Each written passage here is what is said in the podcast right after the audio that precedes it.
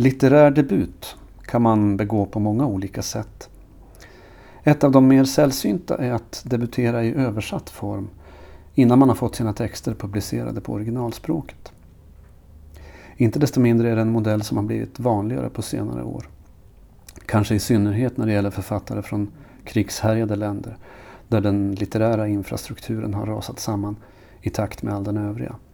Eller oppositionella som på grund av censur eller rädsla för repressalier inte kan publicera sig i hemlandet. Inte minst i Mellanöstern befinner sig en allt större och snabbt växande andel av den litterära offentligheten helt utanför pappersböckernas värld. Det är inte bara på grund av klåfingriga censurmyndigheter som den unga generationen arabiska författare till stor del väljer att publicera sina texter på bloggar, mer och mindre redigerade nättidskrifter och sociala medier. Utan helt enkelt för att det är där läsarna finns. Det är så man kan nå ut till sin publik. Några författararvoden ser man ändå inte röken av.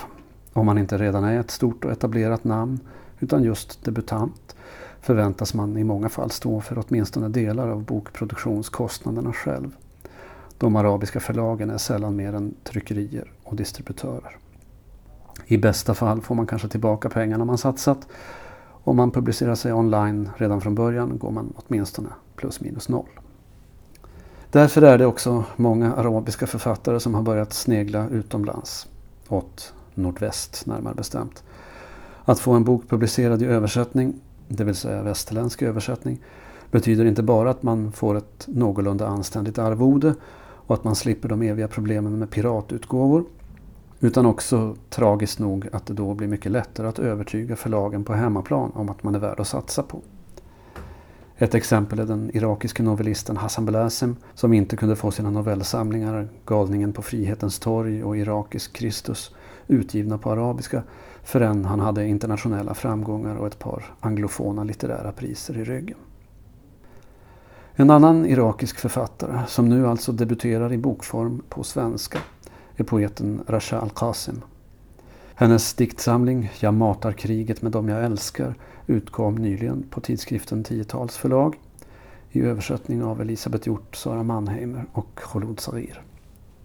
Boken är resultatet av ett samarbete som inleddes 2014 i samband med ett temanummer av tidskriften Kritiker om kvinnliga irakiska poeter och som sannolikt har underlättats av att Al-Qasim numera också är bosatt i Sverige.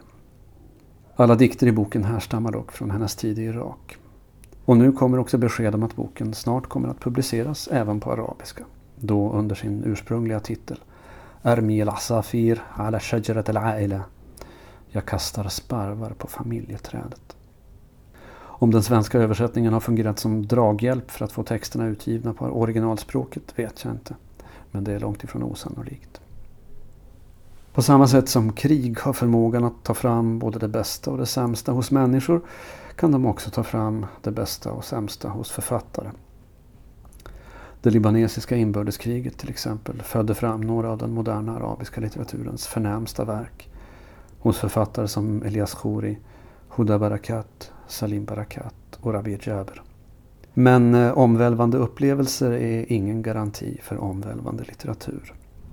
Frejdiga arabiska krigsskildringar, smetiga av hjältedyrkan och martyrkult är inte direkt någon bristvara. De har i sina värsta stunder ungefär samma verkshöjd som en hejaklacksramsa och mutatis mutandis ungefär samma budskap. Rasha Al-Qasim är född i Samarra strax norr om Bagdad 1989. Det vill säga ett år efter att det åtta år långa kriget mot Iran tog slut och ett år före den ödesdigra invasionen av Kuwait som ledde till det första Gulfkriget. Hela hennes barndom ägde rum i ett land som långsamt höll på att strypas av FN-sanktionerna. Hon var 14 år gammal när det andra Gulfkriget bröt ut 2003. Men hennes texter håller en mycket tydlig och avsiktlig distans till kriget som belägrar henne. Det är inte hennes värld, även om det är en värld hon tvingas bo i. Det är andra, männen, som ansvarar för det, sysselsätter sig med det och ibland nästan gottar sig i det. Min far gifte sig i hemlighet med politiken. Hans enda umgänge var TVn. Och min far följde krigets nyheter med en obegriplig nyfikenhet, heter det i dikten Vinteråret om. Men så står det inte riktigt i det arabiska originalet. Där följer han nyheterna Bisaadala afamuha, det vill säga med en glädje jag inte begrep. Kriget är alltså inte ämnet för de här dikterna, det är bara en underförstådd förutsättning. En bordunton som ligger under allt sammans. Dov och malande. Ständigt närvarande men ofta ganska undanskymd. Jag kan inte låta bli att tycka att den arabiska originaltiteln fångar innehållet bättre än den svenska. Det är nämligen i hög grad just familjeträdet som texterna kretsar kring.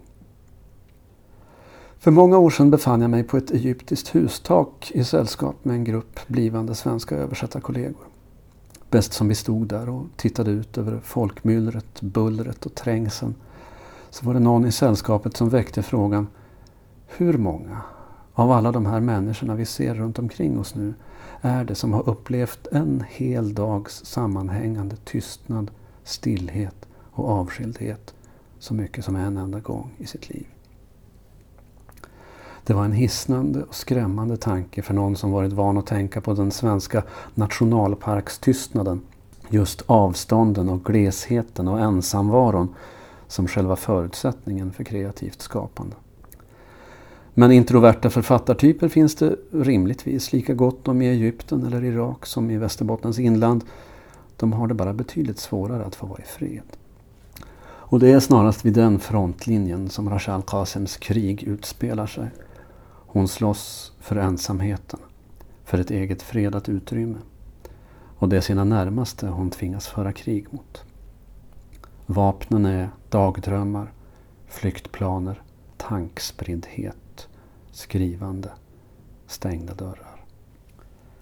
En av dikterna heter i svensk översättning Besatt av familjen. Även om den egentligen handlar om något annat, nämligen de övergivna husens saknad efter sina utflyttade invånare, är titeln en bra karaktäristik av bokens diktarjag. Och ingen kan klandra henne för att vara besatt av familjen, när hennes familj på alla sätt visar sig vara besatt av henne. Besatt av att hon ska vara presentabel och respektabel. Besatt av att få henne anständigt bortgift innan hon blir för gammal. Besatt av hennes utseende och hennes yrkesbana. Av roller hon vägrar finna sig i och spel hon vägrar spela. Citat. Tvånget att besvara människors älskvärdhet trots avskyn jag känner för dem. Plikten att konversera. Hyckleriet. Att låtsas förtjust i saker jag inte tål. Kravet att tiga ihjäl det som bör men inte får sägas. Slutcitat. Det är lite riskabelt att tala om arabisk poesi som något enhetligt som går att klumpa ihop under en samlingsrubrik. En sån grov indelning döljer mer än den klargör. Och det är en avgrund i mentalitet bara mellan Kairo och Bagdad. Rachel Qasims dikter är i ytterligt hög grad just irakiska. Vad som brukar avses med det förklarar en annan ung irakisk poet, Mariam El-Attar, i en essä i Kritiker. Hon skriver den irakiska dikten är blek och allvarlig som de ansikten den möter på gatan. Den visar inget leende, alltid klagan. Den letar efter det som saknas. Sorgen är pågående och hoppet en bristvara. Den irakiska poeten är förälskad i sorgen. Slutcitat. Somliga vill göra gällande att det här kommer sig av det starka shia-muslimska inflytandet i Irak och den sorg och martyrkult som odlas inom shiitisk islam. Det kan ligga något i det, men det är knappast hela sanningen. När Al-Qasim skriver dikter som heter Jag vet för mycket om sorgen och sorgens avtryck.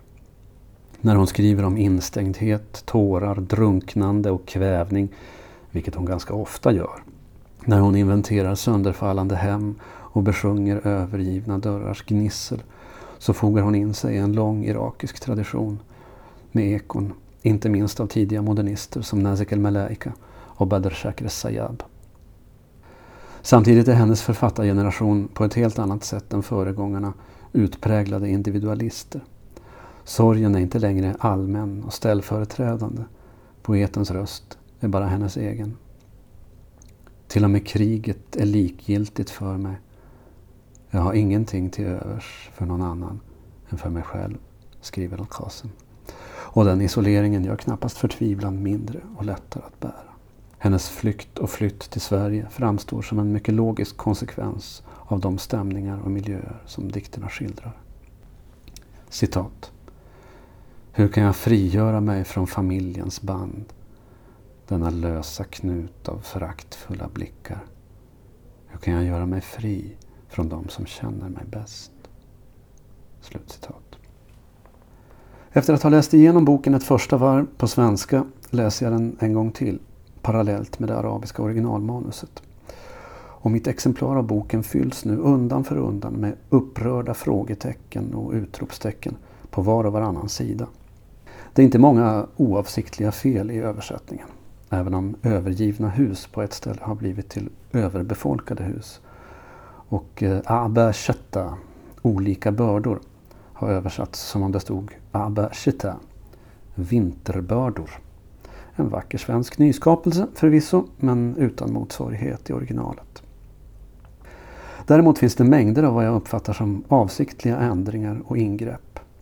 Rader, ibland halva och hela strofer från originalet har utelämnats. Omformuleringarna är ofta både drastiska och i mina ögon helt omotiverade. Jag kan inte bete mig på det sätt som krävs av en kvinna, står det i översättningen. I originalet lyder samma rad Jag är inte bra på att lyssna på kvinnors pladder. Översättningen säger Men stormen blåste, när originalet lyder Men stormen krossade min dörr. Till och med bokens titel är en märklig förvrängning av originalet. I ursprungstexten matar hon inte alls kriget med dem hon älskar. Verbet som används är athatha som snarast betyder inreder. Och det är samma verb som på följande rad i dikten helt korrekt översätts med möblerar om. Ett av många exempel i boken på en avsiktlig parallellism som går förlorad i översättningen. Strofer plockas isär och sätts ihop på nya sätt trots att Al-Qasims egen indelning tycks vara mycket medvetet gjord. Och inte så sällan fördunklas eller försvinner orsakssambandet mellan raderna. Lite synd är också att den lilla fina dikten Min far drunknade har utgått. Men för den intresserade finns den i svensk översättning i Kritikers irakiska temanummer. Jag blir ganska nyfiken på hur översättningsprocessen har gått till. Elisabeth Hjort och Sara Mannheimer är själva författare och sånt kan vara farligt i översättningssammanhang. Författare tenderar att ha alldeles för bra självkänsla. Men ingen av dem behärskar arabiska. Khulul Savir är den av översättarna som kan läsa originalspråket och vid det här laget kan ju också Al-Qasim själv en del svenska. Så vitt jag förstår har översättningsarbetet åtminstone delvis skett i nära samarbete med författaren. Men det är omöjligt att gissa vilka av ändringarna och omformuleringarna som Al-Qasim är införstådd med och belåten med. Ett litet översättarnas efterord om hur den svenska texten har vuxit fram hade varit välkommet. Och framförallt kan jag inte låta bli att undra om översättarna hade hanterat dikter av, låt oss säga, en väletablerad engelskspråkig poet med samma grad av självsvåld. Jag matar kriget med dem jag älskar eh, som helhet en tematiskt sammanhållen och välkomponerad samling. Allt är inte lysande. Det väntar man sig knappast heller av en debutant. Men det är absolut tillräckligt intressant för att motivera utgivningen. Det ska bli spännande att se vad de senaste tre årens vistelse i en helt annan miljö har inneburit för Al-Qasims skrivande. Vart hennes formspråk och tematik har tagit vägen. Och om stämningsläget har förblivit lika, ja, låt oss kalla det irakiskt. Jag hoppas att de svenska förlagen kommer att ge henne fler chanser. Men jag hoppas också innerligt att framtida översättningar kommer att visa större respekt för hennes originaltexter. De är nämligen så pass starka i sig själva och så medvetet gestaltade och utformade att man inte behöver göra några ingrepp i dem.